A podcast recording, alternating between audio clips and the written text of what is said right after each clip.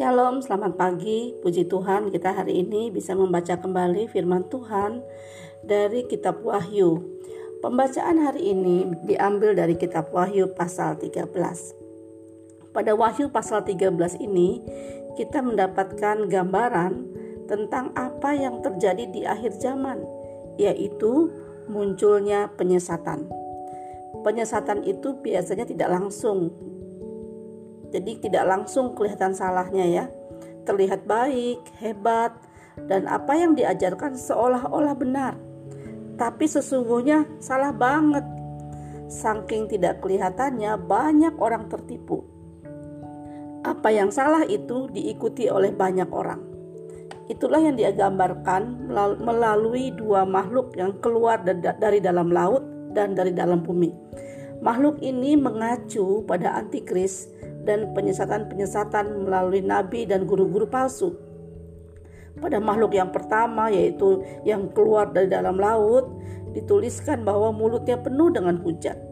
Hujat itu artinya cemooh atau penghinaan kepada Tuhan. Lalu kenapa diikuti banyak orang? Karena binatang ini terlihat berkuasa. Nah, hati-hati ya dengan kuasa-kuasa di luar Tuhan.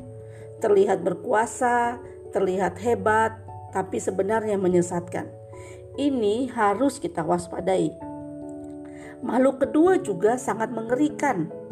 Ia ingin mengambil manusia menjadi miliknya. Hal ini digambarkan dengan memberi tanda pak kepunyaannya. Uh, ngeri sekali anak-anak. Antikristus dijadwalkan untuk menjadi penguasa dunia yang terakhir sebelum Yesus datang.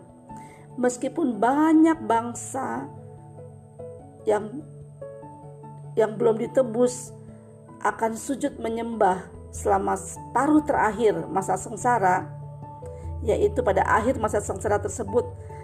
Tetapi pada akhir masa sengsara tersebut, tetapi pada akhir masa sengsara tersebut, hanya ada satu nama yang akan disembah, yaitu Yesus Kristus, Raja segala raja dan Tuhan atas segala Tuhan.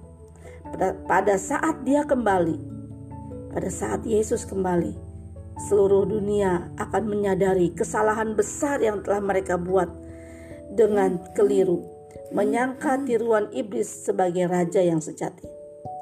Renungan hari ini anak-anak membawa kita pada pentingnya kita mendengar nasihat Petrus tentang akhir zaman. Apa nasihat Petrus?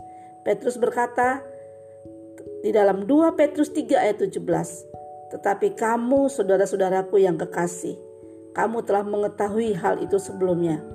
Karena itu waspadalah supaya kamu jangan terseret dalam kesesatan orang-orang yang tidak mengenal hukum dan jangan kehilangan peganganmu yang teguh. Nasihat ini menolong kita untuk hidup di akhir zaman. Kita menjadi orang-orang yang waspada. Kita menjadi orang-orang yang tidak gampang tersesat. Bacalah firman Tuhan setiap hari. Renungkanlah firman Tuhan Tanyalah kepada orang-orang yang mengasihi Tuhan, sehingga kita tidak menjadi orang-orang yang mudah tersesat. Doa kami, doa Misrael, setiap kita, tidak seorang pun di antara kita yang terhilang. Setiap kita adalah orang-orang yang bertahan sampai ke surga nanti. Tuhan Yesus memberkati.